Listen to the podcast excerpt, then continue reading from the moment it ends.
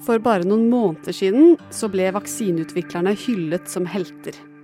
Aldri hadde en vaksine blitt utvikla fortere, og endelig skulle vi få friheten og hverdagen vår tilbake. Men nå hudflettes de for å vokte sine dyrebare vaksineoppskrifter, uten at fattige land som sliter, får bruke de.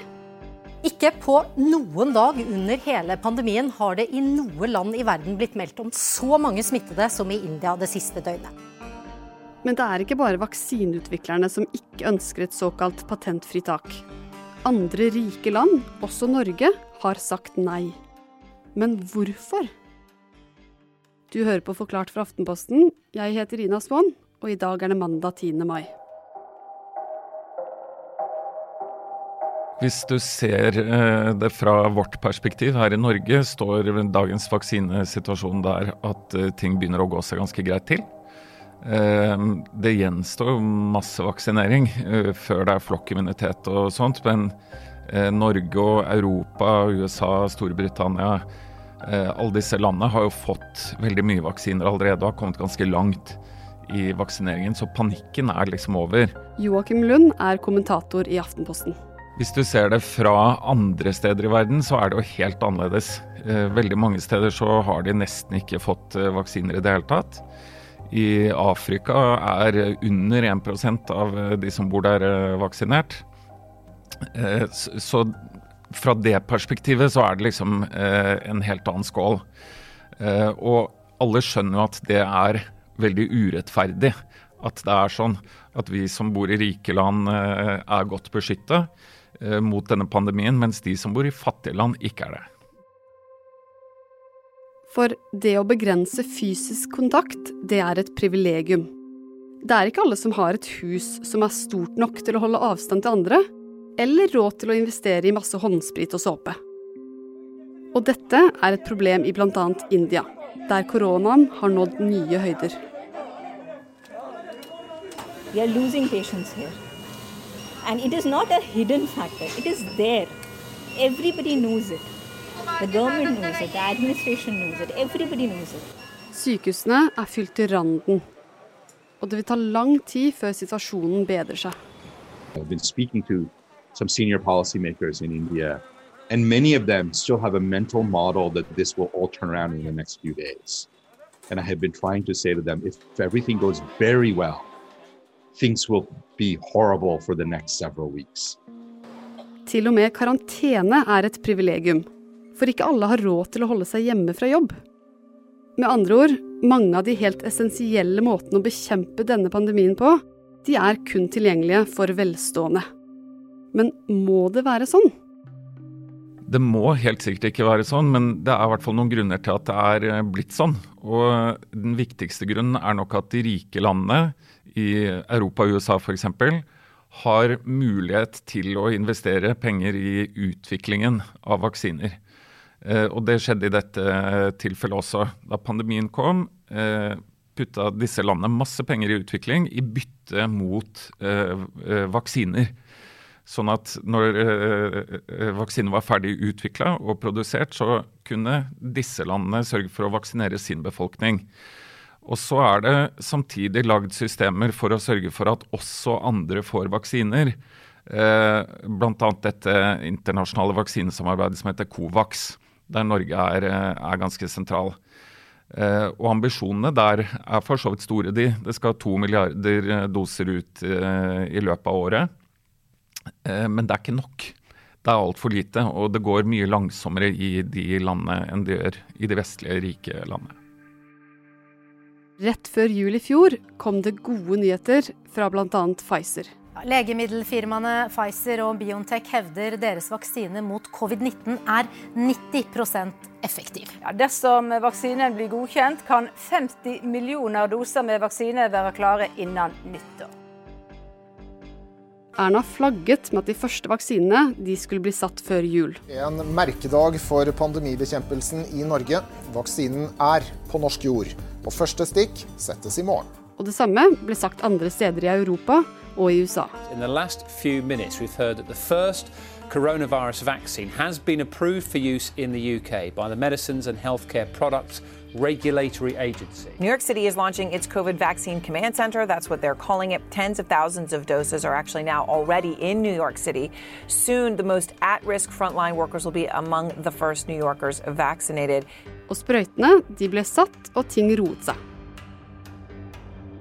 Men jubelen den fikk fort en lei bismak. Til å begynne med så tror jeg at vi som bor i Europa, eller i disse rike vestlige landene, da, eh, tenkte at det er veldig naturlig at eh, alle vaksiner kommer hit. For den gangen så var Europa eh, virkelig episenteret i pandemien, og det så helt forferdelig ut der. Det var jo, Italia var jo sånn som India er nå. Så den gangen så virka det veldig naturlig at, at Europa skulle beskyttes først, på en måte. Det vi innså ganske raskt, var at vaksiner er ikke en sånn quick fix. Du kan ikke, Når smitten er veldig høy i ett område, så er det på en måte ikke vaksiner som kan løse det. Eh, vaksiner kan få en slutt på pandemien etter hvert, men du kan ikke legge opp til å vaksinere opp befolkningen i et område fordi at smitten er veldig høy akkurat der. Fordi smitten beveger seg hele tiden. Du får svære utbrudd eh, andre steder. Og det er liksom ikke over før det er over. Ok, men hva skal vi gjøre for at det skal gå over, da? Noen må vel betale for det? Ja, noen må betale for det, og det er jo veldig naturlig at de rike landene tar opp eh, den regningen. Sånn eh, må det nesten være. Og fordi at det er jo en stor risiko ved å utvikle vaksiner også. Sånn at man investerer mye penger men det kan hende at eh, vaksinen ikke blir vellykket, eller det kan hende at det kommer eh, en konkurrerende utvikler og produserer noe som er mye, mye bedre. Og Begge deler har vi jo sett i utviklingen av de vaksinene i denne omgangen også. Så det er helt naturlig at de rike landene gjør det. Så spørsmålet er hva som skjer derfra og ut.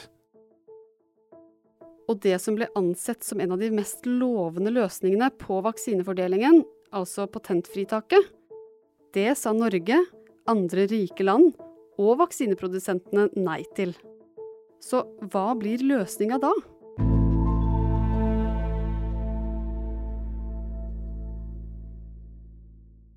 Den mulige løsningen som ble foreslått i høst, var at eh, patentene på de ulike vaksinene skulle frigis patentfritak er eh, eh, på en måte at oppskriften på vaksinene blir frigitt, sånn at man kan eh, lage det hvor som helst.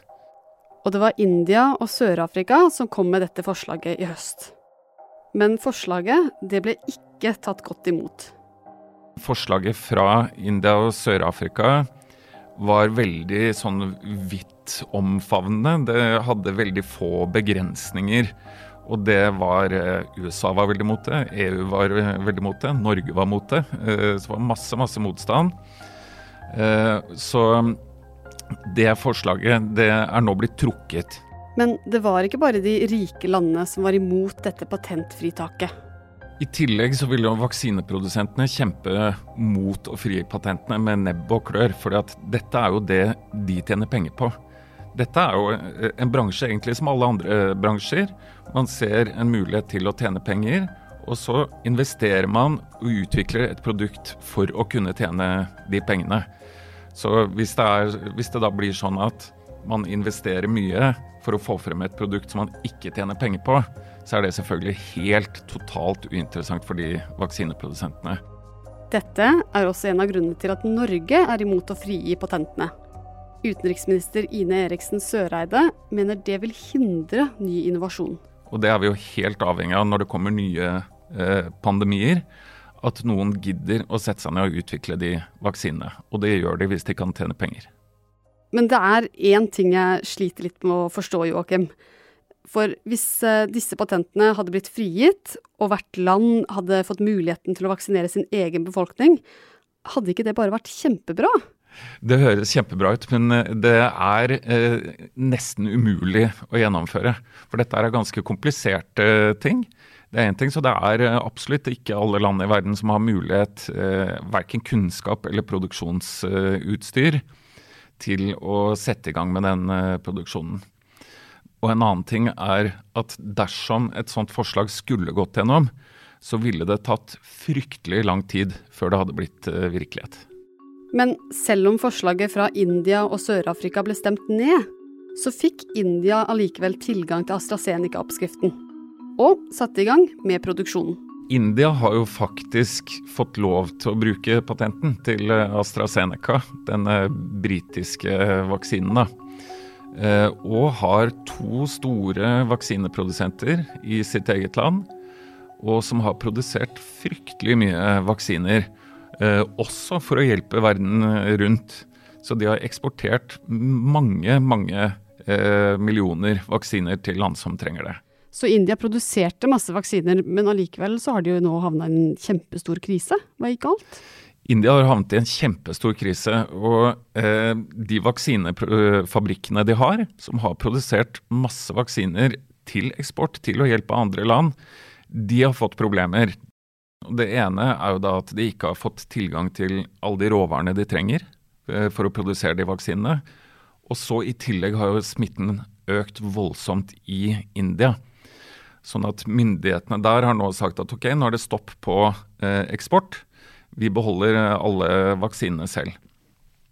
Men eh, i og med at de har eksportert, så har ikke alle disse vaksinene de har produsert, gått til å vaksinere indere heller.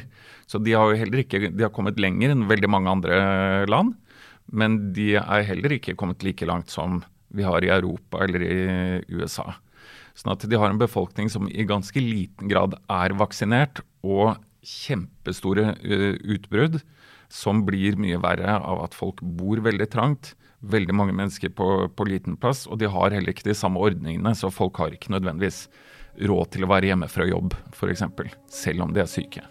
Ok, Så det å, å, gi fra seg patenter til fattige land, det er ikke nødvendigvis løsninga, da? Nei, det er ikke nødvendigvis løsningen. Men nå er plutselig patentfritaket på bordet igjen. Trump var veldig mot at patentene skulle frigis, som nok handla mye om at de eh, selskapene som leder det kappløpet, er, er amerikanske. Eh, Pfizer er amerikansk, og Moderna er eh, amerikansk. Og Biden gjorde veldig narr av Trump fordi han ikke ville ha en sånn løsning. Sånn at da Biden kom til makten, så var det jo en veldig stor forventning om at han skulle støtte eh, og frigi disse patentene. Eh, og så har han brukt eh, litt lang tid på å komme frem til det. Men nå har han altså offisielt snudd, og det han sier nå, er at eh, han kommer til å støtte eh, og frie patentene. Og det betyr at man kanskje kan gå mot en løsning i Verdens handelsorganisasjon. Det gamle forslaget, det er borte, og nå venter alle på at USA skal komme med et nytt forslag. Det amerikanske forslaget vil sannsynligvis være mye mer spiselig for alle medlemslandene. For det kommer til å være mye smalere. Det eh, handler om eh, mindre geografiske områder osv. Men for å få på plass et sånt patentfritak, er det en del ting som må til. Enten så må medlemslandene i Verdens handelsorganisasjon bli enige om at det er det vi skal gjøre. Da, da får vaksineprodusentene bare beskjed om at dette må dere gjøre. Så de presses til det. Men det man kanskje kan håpe på, er at vaksineprodusentene ser at ok, nå snakker de alvorlig om dette her i Verdens handelsorganisasjon. Kanskje er det bedre for oss å gå inn på frivillige løsninger hvor vi sier at eh, OK, folkens, se her. Nå legger vi til rette for vaksineproduksjon mange steder i verden ved å dele ut noe til noen. Men spørsmålet er om dette patentfritaket egentlig er så fryktelig viktig? Sannsynligvis er det helt andre eh, løsninger som kommer til å bety mye mer enn å frie patentene. Og hvilke løsninger er det, da?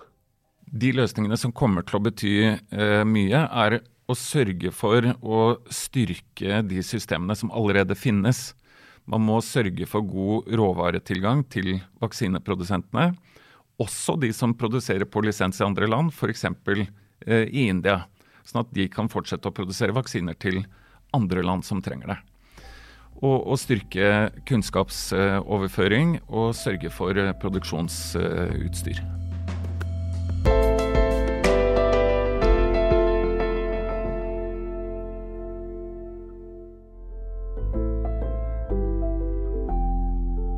Denne episoden er laget av produsent Fride Næss Nonstad og meg, Ina Swan. Resten av Forklart er Marit Eriksdatter Gjelland, Anne Lindholm, David Vekoni og Caroline Fossland. Du har hørt lyd fra NRK, BBC, CNN og AP. Og du, hvis du hører på oss i iTunes, denne podkastappen på iPhone, så er det ikke så rart om du ikke finner de siste forklarte episodene. Apple har nemlig litt teknisk trøbbel, men du kan fortsatt høre oss på aftenposten.no, Spotify, Pocketcast eller andre podkastspillere.